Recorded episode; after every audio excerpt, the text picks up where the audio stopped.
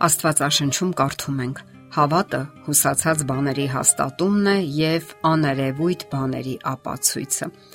Աստվածաշունչը վերացական կյանքից կտրված գաղափարախոսություն չէ Այնտեղ մենք տեսնում ենք հավատի այրերի, ովքեր իրենց կյանքով հաստատում են հավատի գործուն ուժը։ Նրանք կյանքով հաստատում են, որ Աստծո հետ անznական փոխհարաբերությունը հավատի հիմքն է եւ աղբյուրը։ Սակայն մյուս կողմից Աստվածաշունչը նաեւ չի ཐակցնում, որ հավատի այդ այրերը, լինելով մեզ նման սովորական մահկանացու մարդիկ, ունեցել են սխալներ ու արատներ։ Նրանց համար խորտ չեն եղել վրիպումներն ու անկատարությունները, մոլորություններն ու մեղքերը։ Սակայն նրանք հենց նրանով էին հավատի այր, որ միշտ են ոտքի կանգնել անկումներից հետո եւ Աստծո հետ վստահաբար քայլել առաջ։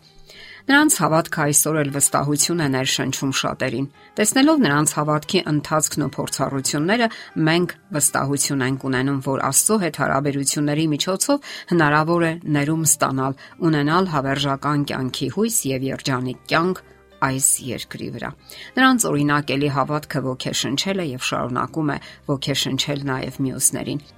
Աստվածաշնչում այդ մասին կարդում ենք. «Ոստի մենք էլ, որ շրջապատված ենք վկաների այսչափ բազմությամբ, դեն գցենք ամեն ծանրություն եւ մեղք, որ մեզ հեշտությամբ pašարում է, եւ համբերությամբ ընթանանք մեր առջև բացված մրցասպարեզը»։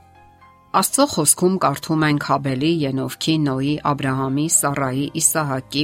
Հակոբի, Հովսեփի, Մովսեսի, Հոբի եւ այլոց մասին։ Նրանք բոլորն անցան հավատքի իրենց եզակի եւ ուշագրավուղին, որոնցից մենք իսկապես շատ բան ունենք սովորելու։ Հավատքի հետաքրքիր ու եզակի փորձառություններով աչքի է ընկնում Հովսեփը, ով բազմաթիվ փորձություններից հետո դառնում է Եգիպտոսի նման հզոր երկրի երկրորդ դեմքը։ Նա մեծացել էր մի ընտանիքում, որի անդամները բազմաթիվ հիմնախնդիրներ ունեին, եւ լինելով ընտանիքի փոքրն ու հոր սիրելին, նա առաջացրել էր եղբայրների նախանձը։ Պատճառը կարդում ենք Աստվածաշնչում։ Հովսեփը 17 տարեկան էր եւ իր եղբայրների հետ արածեցնում էր հոր հոտերը։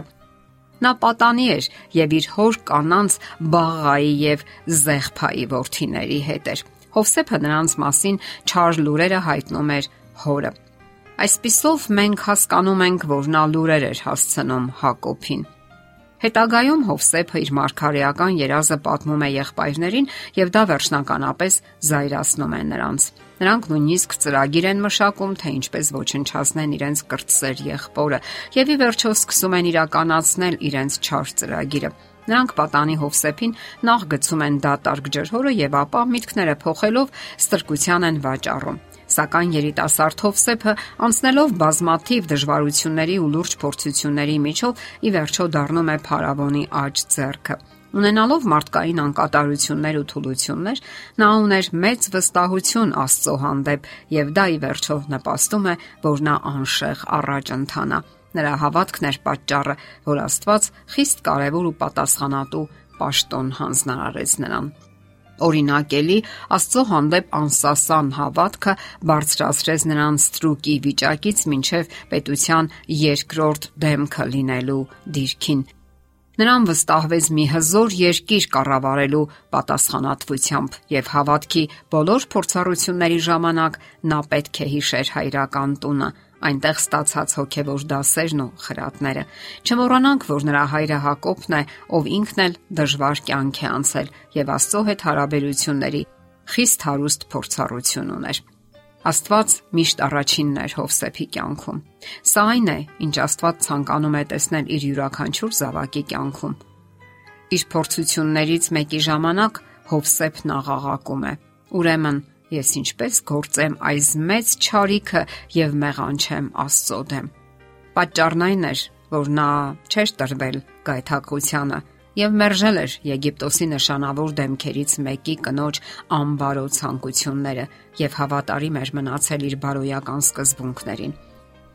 Այսպիսով մեղ գործել մարդկանց հանդեպ նշանակում է մեղավոր լինել նաև Աստծո հանդեպ։ Այսօր շատերը կարող են པարծենալ հավատի այս օրինակ դրսևորումներով։ Մարդիկ թեթևորեն մեղք են գործում միմյանց հանդեպ, մոռանալով, որ վերջին հաշվով դա մեղք է Աստծո հանդեպ։ Շատերը կարող են པարծենալ բարոյական նման կայունությամբ եւ Աստծո հանդեպ նման հավատարմությամբ։ Իսկ այդ հավատարմության պատճառով Հովսեփը հայտնվեց բանտում։ Սակայն նույնիսկ բանտում նա չկորցրեց վստահությունը Աստծո հանդեպ, ինչի պատճառով Աստված քայլ առ քայլ վերև բարձրացրեց նրան։ Հովսեփի պատմությունը ուսանելի պատմություն է։ Այն բազմաթիվ դասեր ունի իր մեջ։ Նա մեծացավ ապականված ու անբարենպաստ միջավայրում, սակայն չտրվեց գայթակղություններին եւ հավատարմորեն ծառայեց իր տիրոջը Աստծուն, Արդյունքում ծաղկեց նաև Եգիպտոսը։ Սովի երաշտի ժամանակ նա ամբողջ 7 տարի կերակրեց երկիրը իր մարգարեական երազի շնորհիվ, որ ապարգևել էր Աստված, որովհետև նա սովորել էր վստահել իր Տիրոջը ցանկացած փորձության եւ գայթակղության ժամանակ, եւ որովհետև նա ցանկանում էր տեսնել Աստծո ձեռքը իր բոլոր գործերում։ Այսօր յուրաքանչյուր քրիստոնյա պետք է ջանք թափի, որpիսի Հովսեփի նման կարողանա բացականչել։ Թեև դուք խորհեցիք իմ դեմ ճարիք գործել, բայց Աստված խորհեց այն փոխել բարիքի, որpիսի անի այն, ինչ եղավ այսօր, այսինքն շատ ժողովուրդ ապրեցնի թույլ տանք, որ Աստված գործի մեր միջոցով եւ հավատքի այր դարձնի մեզ, որովհետեւ նա ցանկանում է օրհնել այս աշխարհը իր զավակների միջոցով եւ մեզանից յուրաքանչյուրը կարող է լինել հավատի այդ օրինակելի այրը։ Եթերում ղողանջ հավերժության հաղորդաշարն է։ Հարցերի եւ առաջարկությունների համար զանգահարել 033 87 87 87 հեռախոսահամարով։